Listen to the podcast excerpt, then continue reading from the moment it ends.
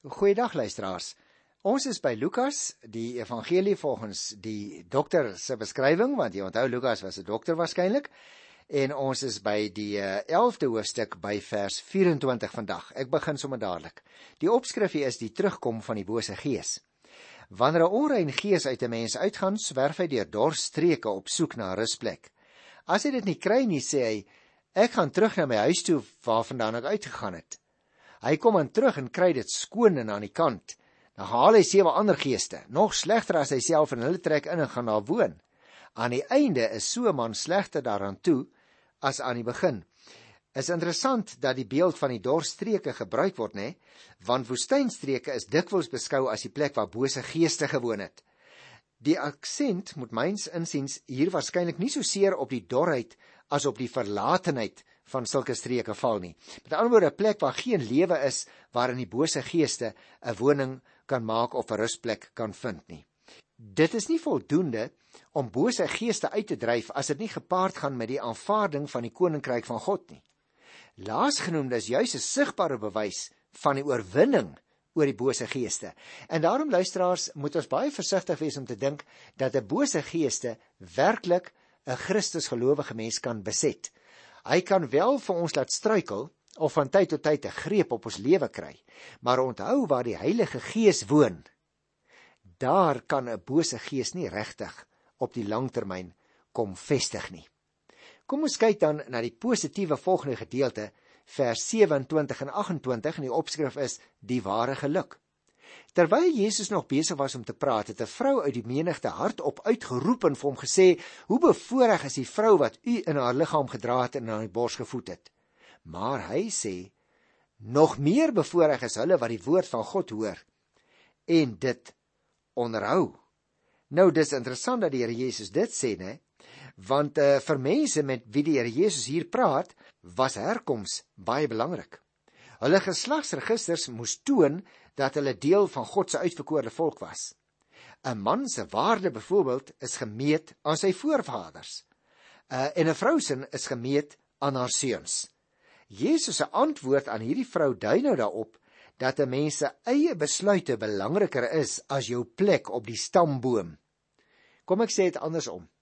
Luisteraars, dit maak nie regtig saak waarvandaan 'n mens kom nie. Maar dit maak saak waarheen jy op pad is is jy werklik op die boot van God se koninkryk op pad na 'n finale bestemming by God. Jy sien dit maak nie saak waar jy kom nie, maak nie saak hoe ver jy geval het nie, maak nie saak hoe skandelik jou sondes was nie. As jy dit vandag aan die voete van die Here Jesus Christus bely, dan is die gisters verby. Want die vraag is, waarheen is jy op pad? Nou hierdie gedeelte oor die teken van Jona het ons bespreek toe ons Matteus behandel het en daarom gaan ek daai paar versies net uitlaat. Dit bring my by die volgende opskrifie, die lig van die liggaam. Ek is by Lukas, die 11de hoofstuk vers 33. 'n Mens steek nie 'n lamp op en sit dit dan weg in 'n kelder of onder 'n emmer nie. Nee, jy sit dit op 'n staaner sodat die mense wat binnekom die lig kan sien. Die lamp van jou liggaam is die oog. As jou oog goed is, is jou hele liggaam ook verlig. Maar as jou oog sleg is, is jou hele liggaam ook sonder lig. Pas dus op dat die lig in jou nie donker is nie. Mag ek dit kortom sê, luisteraar? Dit maak nie saak hoe groot jou lig is nie. Dit maak saak of jy 'n mens van die lig is. Dit maak ook nie saak hoe donker die nag is waarin jy dalk lewe nie. Weet wat? Al is jou omstandighede donker, selfs die kleinste liggie, selfs die kleinste vuurhoutjie word in 'n groot saal wat pitdonker is gesien. Laat skyn jy maar jou liggie op die manier waarop die Here vir jou wil gebruik. Jy hoef nie soos iemand anders te wil wees nie. Dit bring ons by die gedeelte waar die Here Jesus die Fariseërs en die wetgeleerdes bestraf het hier in Lukas die 11de hoofstuk van vers 37 af. Ek wil net enkele opmerkingies maak ter inleiding en dan kyk ons so 'n bietjie daarna. Want dit is my baie interessant. Uh Matteus en Lukas het elkeen 'n eie inleiding tot hierdie gedeelte. By Lukas word die inleiding gevorm deur 'n uitnodiging tot 'n maaltyd aan huis van 'n Fariseer. Kan jy dit glo? Jy sal nou al weet die Fariseërs het natuurlik die Here Jesus kwaadlik geneem omdat hy hom nie aan die gebruike van die ou voorvaders soos byvoorbeeld om sy hande voor ete te was gehou het nie. Kom ons lees dit hier in die Bybel. Net toe Jesus klaar gepraat het, het 'n Fariseer hom uitgenooi om by hom te kom eet. Hy het toe in sy huis ingegaan en aan tafel sy plek ingeneem. Die Fariseer was verwonderd toe hy sien jy, dat Jesus nie die gebruik nagekom het om voor die ete eers sy hande te was nie, maar die Here sê vir hom: "Ja, julle Fariseërs, julle maak die buitekant van die bekers en borde skoon, maar binnekant is julle vol inhaligheid en gemeenheid. Julle dwaase. Het hy wat die buitekant gemaak het, nie ook die binnekant gemaak nie?" Nou dis 'n interessante vraag wat die Here na hierdie ou toe teruggooi, né? Uh want juis omdat die Fariseërs so op die uiterlike gesteld was. Die gewoonte was naamlik soos ek net nou gesê het om die hande voor jou ete te was. En dit was 'n simbool vir die ou Jode van geestelike reinheid. Alhoewel ons seker maak aanvaar dat dit tog gebore is uit 'n behoefte aan persoonlike higiëne ook. Dit dui dus hier op die seremoniele onderhoud wat hierdie ouens wou handhaaf. Uh en dit het vir hulle nou baie aanstoot gegee dat die Here Jesus nie sy hande was nie. Dit is nie 'n gebruik wat in die Ou Testament voorgekom het nie. Want daar is natuurlik slegs sprake van was van die voete na 'n reis op stowwige paaie wat 'n teken van gasvryheid was. Gaan kyk maar weer in Genesis 18 waar ons dit ook teëgekom het. Hierdie voorskrif van hande was was waarskynlik 'n fariseëse voorskrif. En dit het nou vir hulle byna dieselfde betekenis gekry as die godsdiens self. En daarom steur die Here Jesus hom nie daaraan nie. Kom ons lees vers 41 en 42. Daar sê die Here: "Gee liewer wat in die bekers en borde is vir die armes, dan sal alle dinge vir julle rein wees. Maar ellende wag vir julle fariseërs, want julle gee tiendes van kruisement en wyneruit en elke soort kruie, maar julle verontagsaam die geregtigheid en die liefde vir God. Juis hierdie dinge moet 'n mens doen en nie die ander nalat nie. Jy sien dus dat die Here Jesus sê dit is nie sleg om hierdie gewoontes van julle na te kom nie. Maar as julle begin om aan julleself gemaakte reëls nou godsdienstige betekenis toe te ken en mense se reinheid en selfs hulle saligheid daarin te wil toets, dan is jy besig met nonsens. Nou luisteraars, ek wil ook nou amper sê, as ons so na mense kyk dra hulle nou dieselfde klere as ek kerk toe? Sê hulle presies die dinge op dieselfde manier, gebruik hulle dieselfde uitdrukkings as ek? Anders is hulle nie op my vlak nie. Dan wil ek vir jou sê dit is nou presies wat die Here Jesus afskiet. Moenie die ou beoordeel aan die uiterlike nie, maar na sy geestelike welstand kan wel omgesien word. En daarom moet ons hierdie opmerking wat die Here maak hier in vers 44 ernstig neem.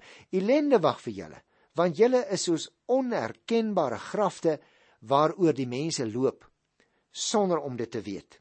Jy sien, volgens die Ou Testament is enige iets of iemand wat aan 'n graf raak onrein.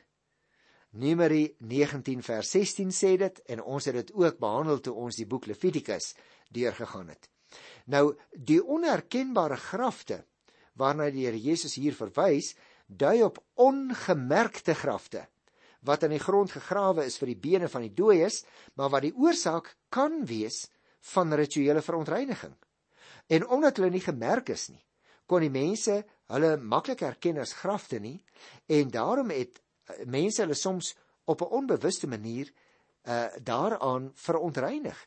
Jy weet dit so erg was dat in die tyd van die Nuwe Testament mense selfs die ou grafte wit gekalk het langs die paaie sodat die mense wat op pad was na die Paasfees in Jerusalem nie per ongeluk aan hierdie onherkenbare graf sou raak nie want dan kon hulle natuurlik nou nie deel hê aan die Paasfees nie. Luister na vers 45. Toe sê een van die wetgeleerdes vir Jesus: "Meneer, as u so praat, beledig u ons ook." Daarop antwoord hy: "Julle wetgeleerdes, ellendes wag vir julle ook, want julle laai ondraagbare laste op die mense en self verroer julle geen vinger om die laste te dra nie. Nou luisteraars, ek dink vir jou en my as kerkmens spreek hierdie uitspraak ook aan. Want dit gaan nou juis oor godsdienstige gebruike en die Here Jesus wil sê, julle las godsdienstige gebruike op die mense en dan toets julle hulle geestelikheid daaraan. En in die tyd waarin ons lewe, is ons nogal geneig om juis in die kerk vas te hou aan die ou gebruike. Maar ons moet oppas dat ons die hart van die mense nie raak sien nie.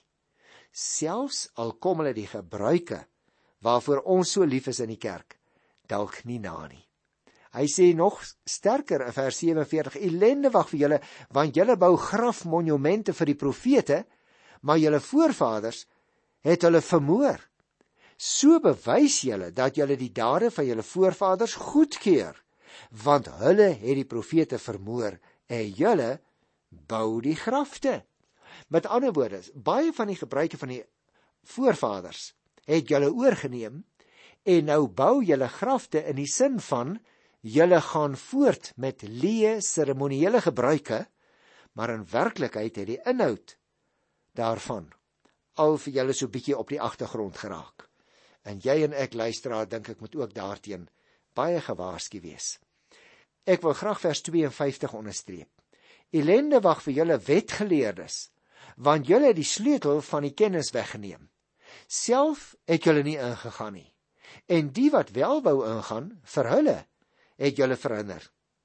O, ek wonder luisteraars, hoe het die skrifgeleerdes dan die waarheid weggesteek?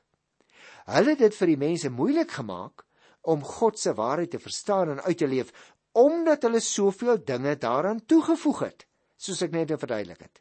Jy sien, afgesien daarvan was hulle ook nog swak voorbeelde self wat eise aan ander mense gestel het, maar nie self bereid was om dit na te kom nie. En ek dink ons voorbeeld teenoor ons kinders luisteraars is ook baie belangrik. Nie so seer die dinge wat ons sê nie, maar onthou jy en ek is rolmodelle. En ons kinders kyk baie gou-gou en dan sien hulle raak wat ons nou op hulle wil afdruk as 'n goeie gewoonte. Maar ons eie rolmodel, daarin sien hulle dit nie. En dan beteken dit natuurlik vir hulle niks nie. Vers 53 sê: Toe Jesus uit die huis weggaan, het die skrifgeleerdes en die fariseërs hom heftig begin aanval. Oor allerlei dinge het hulle hom strikvrae gestel en fyn opgelet of hy iets sou sê waarop iemand hom kon vastrek. Nou hoekom sou hulle dit doen?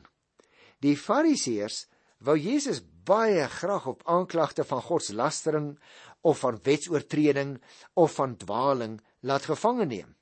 Hulle was woedend oor die dinge wat hy van hulle gesê het want dit was hulle gebruike. Maar hulle kon hom nie op grond daarvan laat vang nie en daarom moes hulle nou soek na 'n meer wettige manier want een ding het in hulle harte gegroei en nou staan dit vas van jou meneer van jou wil ons ontsla raak. Nou kom ons kyk dan nog so bietjie na 'n waarskuwing teen huigelary hier in die 12de hoofstuk. Hier staan die mense het intussen by die duisende saamgedrom en mekaar vertrap. Toe het Jesus begin praat en hom in die eerste plek tot sy disippels gerig. Pas op vir die suurdeeg van die Fariseërs. Dit is hulle huigelary. Daar is niks bedek wat nie onthul sal word nie en niks geheim wat nie bekend sal word nie. Daarom alles wat julle in die donker gesê het, sal in die daglig gehoor word. En wat julle agter geslote deure vir iemand in die oor gefluister het, sal van die dakke af uitgebasuin word. Dit maak my eintlik bang luisteraars. Want terwyl groot skare ma massas na die Here Jesus kom staan en luister het, het hy sy disippels teen huigelary gewaarsku. Jy sien, dit kan so maklik ook by jou en my voorkom. Ons kyk na die skares, maar ons self is besig met 'n rollespel. Dit beteken dat 'n mens goed probeer voorkom terwyl jou hart in werklikheid ver van God af is. En dit is waarteen die Here Jesus sy disippels in die binnekring gewaarsku het. Luister na vers 4 en 5. Aan julle my vriende. Nou praat hy met sy disippels, sê ek. Moenie bang wees vir die wat die liggaam doodmaak en daarna niks verder kan doen nie. Ek sal vir julle sê vir wie julle moet bang wees. Vir hom wat die mag het om na die dood in die hel te werp. Ja, ek sê vir julle, hom moet julle vrees. Ons getuienis, broer en suster, ons getuienis vir Christus kan ondermyn word deur die vrees dat ander mense ons dalk sal uitlag of ons dalk selfs sal teëgaan. Jy sien, ons is dikwels so geneig om aan ons eie gerief te dink, om aan ons eie gemak vas te klou ten koste van ons verstandhouding met God. Die Here Jesus sê nou vir ons hier dat ons nie moet bang wees vir tydelike gevolge nie, maar vir ewige gevolge. Moenie jou vrees vir 'n individu of vir 'n groep mense toelaat om jou getuienis vir Christus te laat stil word nie. Luister vers 6 en 7. Word 5 mossies nie vir 2 sent verkoop nie. Tog word nie een van hulle deur God vergeet nie. Selfs die hare op julle kop is almal getel. Moenie bang wees nie. Julle is meer werd as baie mossies. Dis 'n wonderlike eenvoudige voorbeeld luisteraar. Hy sê, hoor hier, mossies is nie veel werd nie en tog weet die hemelse Vader van elke een van hulle, hy het hulle nie vergeet nie. En dan kyk hy na sy disippels en hy sê: "Hoorie maar van julle, self elke haar op julle kop is getel. Julle moenie bang wees nie." En dan sy kernsin: "Julle is meer werd as baie mossies." Met ander woorde, as God vir die geringe ou mossietjies in die bome wanneer hulle chilp in ons vrugte vreet, sorg. Hoeveel te meer sal hy nie vir julle wat in hom glo sorg nie. Miskien is daar iemand wat na ons program luister en wat bekommerd is. Wat wie wonder hoe gaan jy môre of oormôre uh, kan lewe? Onthou, die Here sorg vir ons baie baie meer en beter as vir die mossies. Kyk vers 8. Die opskrif is aansporing om Christus te bely. Ek lees vers 8 en 9. Ek sê vir julle, elkeen wat hom voor die mense openlik vir my uitspreek, vir hom sal die seun van die mense hom ook openlik uitspreek voor die engele van God. Maar hy wat my voor die mense verloon, sal voor die engele van God ook verloon word. Nou daai verse wil my baie keer bang maak. Want luisteraar, ek weet nie van jou nie, maar ek dink jy ook maar jy en ek verloon natuurlik die Here as ons byvoorbeeld hoop dat niemand sal weet ons is Christene nie. Of as ons nie bereid is om standpunt in te neem oor dinge wat reg of verkeerd is nie. Of as ons byvoorbeeld stil bly oor ons verhouding met die Here. Byvoorbeeld ook wanneer ons eenvoudig deel word van die wêreld elke dag. Ons verloon hom ook wanneer ons samelewing se nie Christelike waardes begin aanvaar. In teenstelling daarmee bely ons byvoorbeeld die Here as ons onbesproke lewe volgens Christus se maatstawwe of as ons soek na geleenthede om vir ander mense van ons geloof te vertel. Ons bely die Here luisteraars nie noodwendig met woorde nie, maar wanneer ons behoeftige mense help. Help jy regtig mense of wys jy almal af? Wie ons bely die Here wanneer ons standpunt inneem oor ongeregtigheid in die maatskappy wanneer ons ander mense liefhet byvoorbeeld, wanneer ons openlik lojaal teenoor die Here in wie ons glo is. Ons bely die Here, luisteraars, wanneer ons lewe in al die middele waaroor ons beskik tot sy beskikking is, sodat sy wil kan geskied eerder as ons eie. En daarom val die 10de vers my so op hier in Lukas 12. Elkeen wat teen die seun van die mens iets sê kan vergewe word, maar hy wat teen die Heilige Gees laster, kan nie vergewe word nie. Nou ek gaan nie vandag weer daaroor praat nie luisteraars, want ek het dit behandel toe ons Matteus by die 10de hoofstuk behandel het oor lastering teen die Heilige Gees. En dan sê hy by die 11de vers: Wanneer hulle julle voor sinagoges en owerhede en gesagvoerders bring, moet julle julle nie bekommer oor hoe of waarmee julle julle gaan verdedig of wat julle gaan sê nie. Want en luister nou mooi, die Heilige Gees sal julle op daardie oomblik leer wat julle moet sê. daarmee wil Here Jesus vir ons sê luisteraars, jy en ek moenie die hele nag wakker lê en wonder hoe gaan ons môre vir hom getuig nie. Nee, in môre se situasie sal die Heilige Gees ons help om te weet wat ons moet sê wanneer ons die geleentheid kry. Ons moet net oop wees vir die leiding van die Heilige Gees elke liewe dag.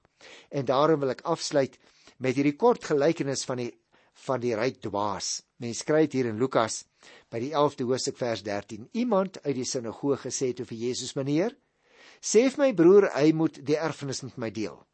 Maar Jesus antwoord hom: "Man, wie het my as regter of as deler vir julle aangestel?" Toe sê hy vir hulle: "Pas op en wees op julle hoede vir elke vorm van gierigheid, want 'n mens se lewe is nie afhanklik van die oorvloed van sy besittings nie." En dan vertel hy vir hulle die kort gelykenisie van 'n man se grond wat goed gedra het. Maar daar staan daar by die 20ste vers. Maar God het vir die man gesê: "Jou dwaas, vannag nog sal ek jou lewe van jou eis. En wie kry dan alles wat jy bymekaar gemaak het?" So gaan dit met hom wat vir homself skatte vergader en nie ryk is by God nie. Jy sien luisteraar, dit is baie baie belangrik dat jy en ek hierdie waarskuwing van die Here Jesus teen geldgierigheid baie ernstig sal neem. Ons gesindheid teenoor rykdom moet reg wees. Anders kan ons maklik in die gat val dat ons hele lewe rondom goed draai. Die rabbies van destyds moes dikwels uitsluitsel gee uh oor gewone probleme soos hierdie. En nou hou die Here Jesus se antwoord nie heeltemal direk verband met die vraag nie. Maar dit beteken nie dat hy die onderwerp hier verander nie. Inteendeel, hy is besig om breër na die hele saak te kyk, om hulle aandag te vestig op die saak wat eintlik die kern van die probleem vorm, naamlik 'n verkeerde gesindheid teenoor rykdom. En daarom is dit belangrik luisteraars dat jy en ek onsself die vraag ook sal afvra. Hoekom spaar jy eintlik geld? Om duurder motors of speelgoed te koop? omdat daar vir jou meer sekuriteit is, omdat jy 'n uh, groot bankbalans het. Die Here Jesus sê dat ons aan meer as net aardse doelwitte moet dink en dat ons die middele wat ons van hom ontvang het, moet gebruik om ander mense mee te help en te dien. Mag ek jou vra, is dit met jou so? Want jy sien ek weet uit my eie lewenspraktyk, dit is nie altyd met myself so nie. En daarom wys ek nie 'n beskuldigende vinger na jou asof jy materialisties sou wees en ek nie. Die meeste van ons is eintlik maar materialisties. Dink 'n bietjie daaroor. Ek dink gewoonlik eers aan myself. En daarom staan daardie Christen wat altyd eers aan 'n ander dink, wat altyd eers aan die koninkryk dink. Daardie persoon staan altyd uit. Het jy dit gehoor in hierdie gedeelte? Die Here Jesus sê dat 'n goeie lewe nie afhanklik is van rykdom nie. Dit is presies die teenoorgestelde van wat ons samelewing gewoonlik sê. Advertensies byvoorbeeld. Dink maar net daaraan. Daar word miljoene rande bestee om ons te oortuig dat ons gelukkiger sal wees en gemakliker, dat ons meer in die mode sal wees as ons maar net hulle produkte wil gebruik. ek wil jou weer vra, hoe reageer jy en ek ook maar op die aanhoudende druk om geluk in aanhalingstekens geluk te koop. Jy sien, jy en ek moet onsself daarin oefen om altyd krities te wees teenoor die lokmiddels van die wêreld en om altyd op 'n ware goeie lewe te konsentreer.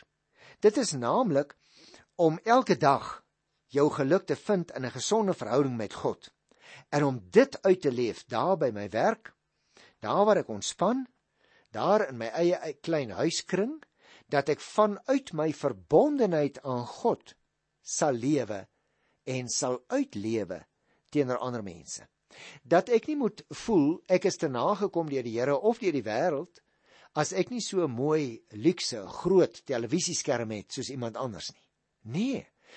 As my verhouding met die Here reg is, dan kan my skermpie ook maar 'n bietjie kleiner wees, want ek het nie regtig so een nodig nie. Ook wanneer ek vir myself nog klere wil koop dink weer. Die Here Jesus waarsku ons in hierdie gelykenis van die ryk dwaas teen materialisme in elke vorm.